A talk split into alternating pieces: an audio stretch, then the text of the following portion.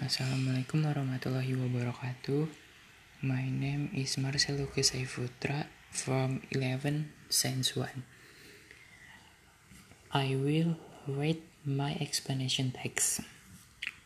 My explanation text about how does raining happen.